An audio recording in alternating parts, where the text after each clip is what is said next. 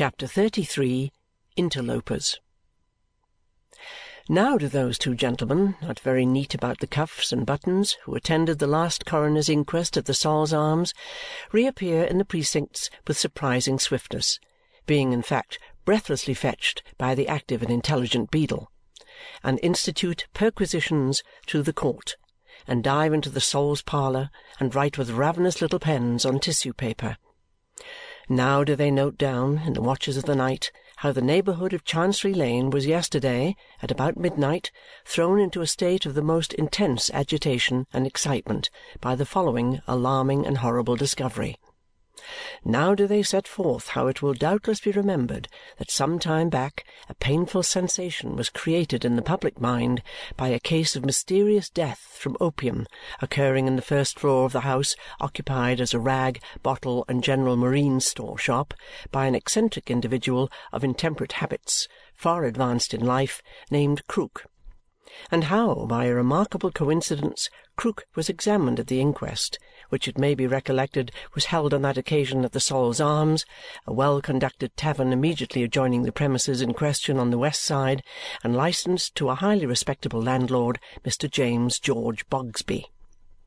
Now do they show, in as many words as possible, how during some hours of yesterday evening a very peculiar smell was observed by the inhabitants of the court in which the tragical occurrence which forms the subject of that present account transpired and which odour was at one time so powerful that Mr. Swills, a comic vocalist professionally engaged by Mr. J. G. Bogsby, has himself stated to our reporter that he mentioned to Miss M. Melvilleson, a lady of some pretensions to musical ability, likewise engaged by Mr. J. G. Bogsby to sing at a series of concerts called harmonic assemblies or meetings which it would appear I held at the Sol's Arms under Mr. Bogsby's direction, pursuant to the act of George the Second, that he, Mr. Swills, found his voice seriously affected by the impure state of the atmosphere. His jocose expression at the time being that he was like an empty post office, for he hadn't a single note in him. How this account of Mr. Swills is entirely corroborated by two intelligent married females residing in the same court and known respectively by the names of Mrs. Piper and Mrs. Perkins, both of whom observed the fetid effluvia and regarded them as being emitted from the premises in the occupation of Krook, the unfortunate deceased. All this and a great deal more the two gentlemen who have formed an amicable partnership in the melancholy catastrophe write down on the spot and the boy population of the court, out of bed in a moment, swarm up the shutters of the Sol's Arms parlour to behold the tops of their heads while they are about it. The whole court, adult as well as boy, is sleepless for that night and can do nothing but wrap up its many heads and talk of the ill-fated house and look at it. Miss Flite has been bravely rescued from her chamber as if it were in flames and accommodated with a bed at the Sol's Arms. The Sol neither turns off its gas nor shuts its door all night, for any kind of public excitement makes good for the Sol and causes the court to stand in need of comfort. The house has not done so much on the stomachic article of clothes or in brandy and water warm since the inquest. The moment the potboy heard what had happened, he rolled up his shirt sleeves tight to his shoulders and said, "There'll be a run upon us!" In the first outcry, young Piper dashed off for the fire engines and returned in triumph at a jolting gallop, perched up aloft on the Phoenix, and holding on to that fabulous creature with all his might in the midst of helmets and torches. One helmet remains behind after careful investigation of all chinks and crannies, and slowly paces up and down before the house, in company with one of the two policemen who have likewise been left in charge thereof. To this trio everybody in the court possessed of sixpence has an insatiate desire to exhibit hospitality in a liquid form.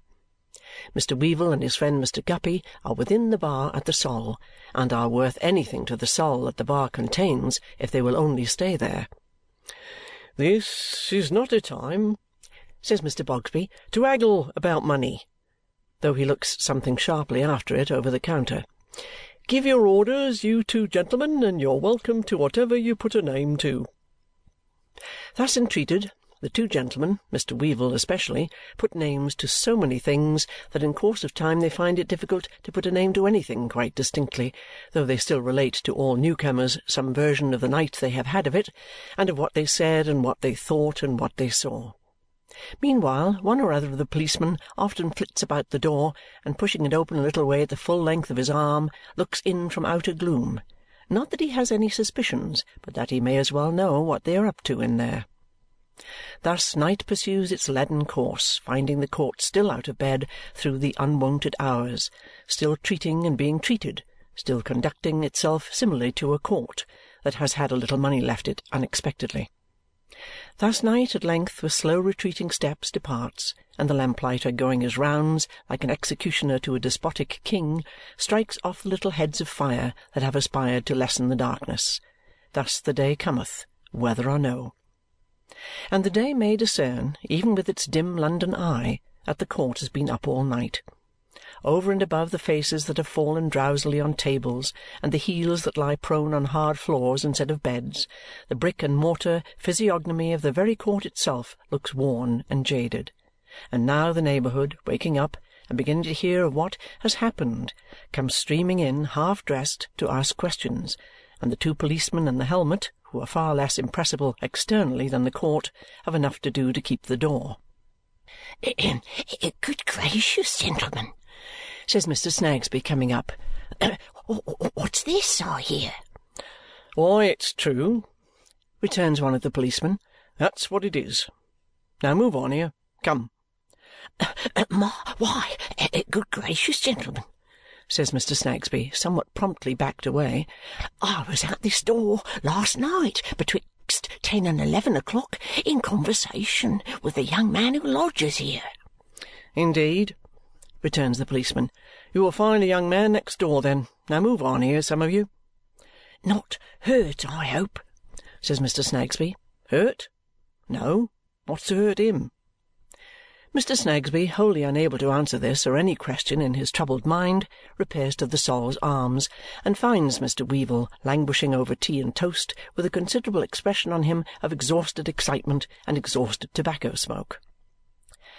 And Mr. Guppy likewise, quoth Mr. Snagsby. oh, dear, dear, dear, what a fate there seems in all this, and my lit Mr. Snagsby's power of speech deserts him in the formation of the words my little woman, for to see that injured female walk into the Sol's Arms at that hour of the morning and stand before the beer engine with her eyes fixed upon him like an accusing spirit strikes him dumb. My dear, says Mr. Snagsby when his tongue is loosened, will you uh, take anything? A little, not to put too fine a point upon it, drop of shrub? No, says Mrs. Snagsby. My love, you know these two gentlemen? Yes, says Mrs. Snagsby, and in a rigid manner acknowledges their presence, still fixing Mr. Snagsby with her eye. The devoted Mr. Snagsby cannot bear this treatment. He takes Mrs. Snagsby by the hand and leads her aside to an adjacent cask. Uh, my little woman, why do you look at me in that way? Pray don't do it. I can't help my looks, says Mrs. Snagsby, and if I could, I wouldn't. Mr. Snagsby, with his cough of meekness, rejoins, uh, uh, Wouldn't you, really, my dear? And meditates, then coughs his cough of trouble and says, This is a dreadful mystery, my love, still fearfully disconcerted by Mrs. Snagsby's eye. It is, returns Mrs. Snagsby, shaking her head, a dreadful mystery. My little woman, urges Mr. Snagsby in a piteous manner, don't, for goodness sake, speak to me with that bitter expression and look at me in that searching way. I beg and entreat of you not to do it. Good Lord, you don't suppose that I would go spontaneously combusting any person, my dear? I can't say, returns Mrs. Snagsby.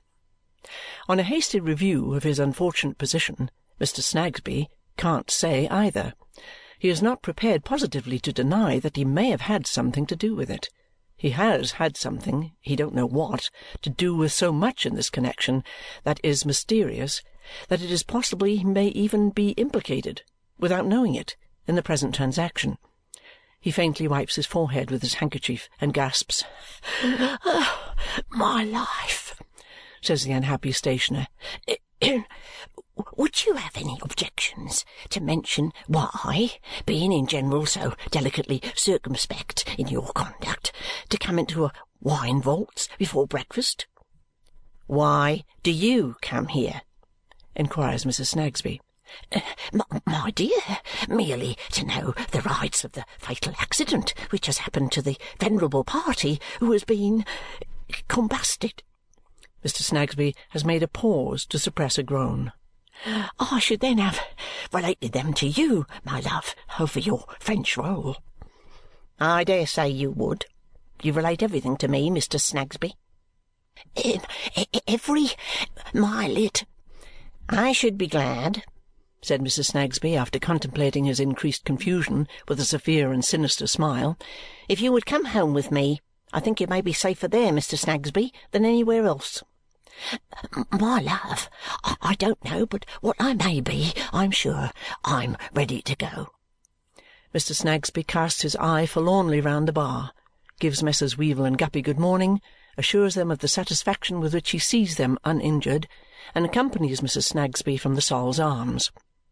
Before night his doubt whether he may not be responsible for some inconceivable part in the catastrophe which is the talk of the whole neighbourhood is almost resolved into certainty by Mrs. Snagsby's pertinacity in that fixed gaze. His mental sufferings are so great that he entertains wandering ideas of delivering himself up to justice and requiring to be cleared if innocent and punished with the utmost rigour of the law if guilty. Mr. Weevle and Mr. Guppy, having taken their breakfast, step into Lincoln's Inn to take a little walk about the square and clear as many of the dark cobwebs out of their brains as a little walk may.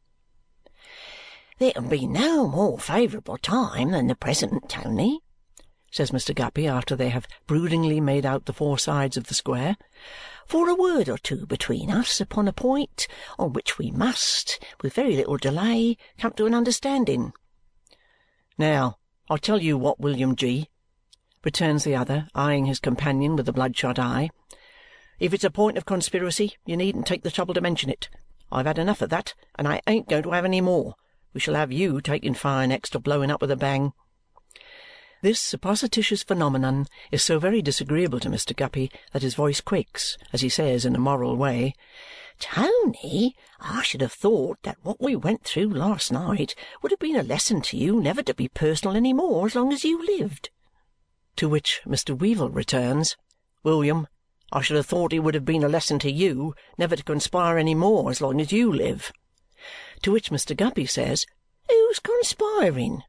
To which Mr. Jobling replies, "Why, you are." To which Mr. Guppy retorts, "No, I'm not.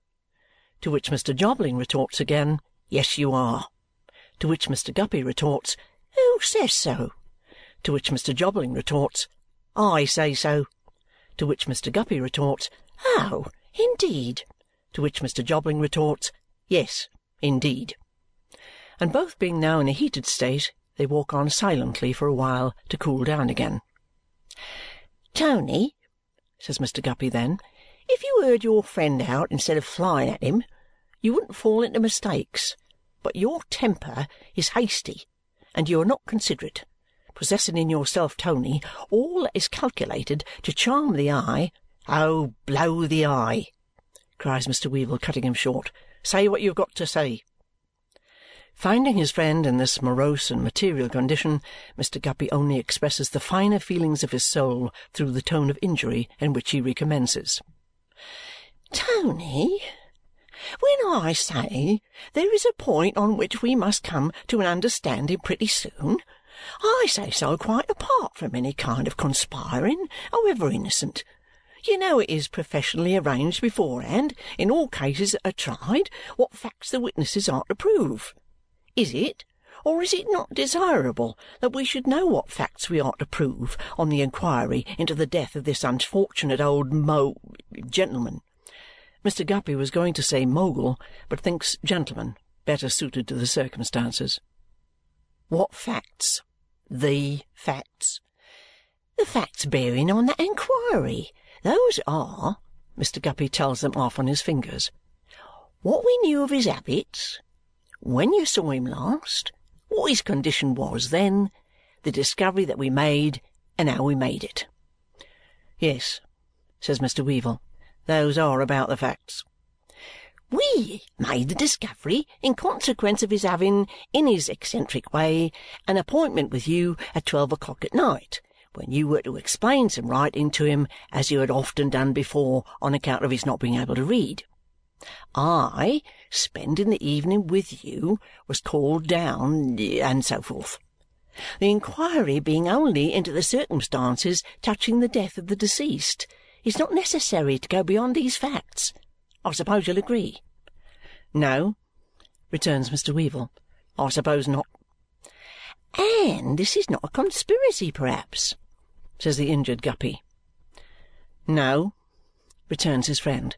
If it's nothing worse than this, I'll withdraw the observation.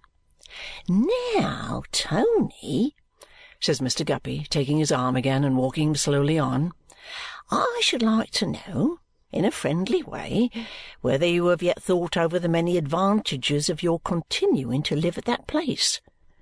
What do you mean? says Tony, stopping. Whether you have yet thought over the many advantages of your continuing to live at that place repeats Mr. Guppy, walking him on again. At what place? That place? Pointing in the direction of the rag and bottle shop. Mr. Guppy nods. Why, I wouldn't pass another night there for any consideration that you could offer me, says Mr. Weevle, haggardly staring. Do you mean it, though, Tony? Mean it? Do I look as if I mean it? I feel as if I do. I know that, says Mr. Weevle with a very genuine shudder.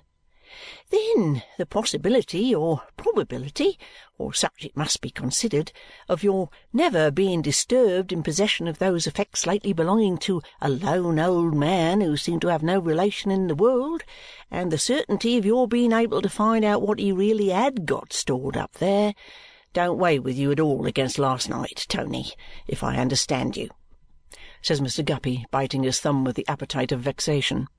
"Certainly not. Talk in that cool way of a fellow's living there!" cries Mr. Weevle indignantly. "Go and live there yourself." "Oh, I, Tony!" says Mr. Guppy, soothing him. "I have never lived there and couldn't get a lodging there now, whereas you have got one." "You're welcome to it," rejoins his friend, "and ugh, you make yourself at home in it." "Then you really and truly at this point says Mr. Guppy, give up the whole thing, if I understand you, Tony. You never, returns Tony with the most convincing steadfastness, said a truer word in all your life. I do.